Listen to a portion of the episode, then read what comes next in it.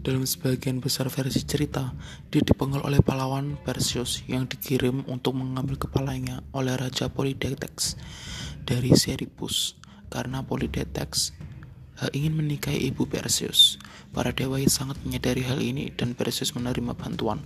Dia menerima perisai cermin dari Athena, sendal dengan sayap emas dari Hermes, pedang dari Hephaestus, dan Hades helm tembus pandang.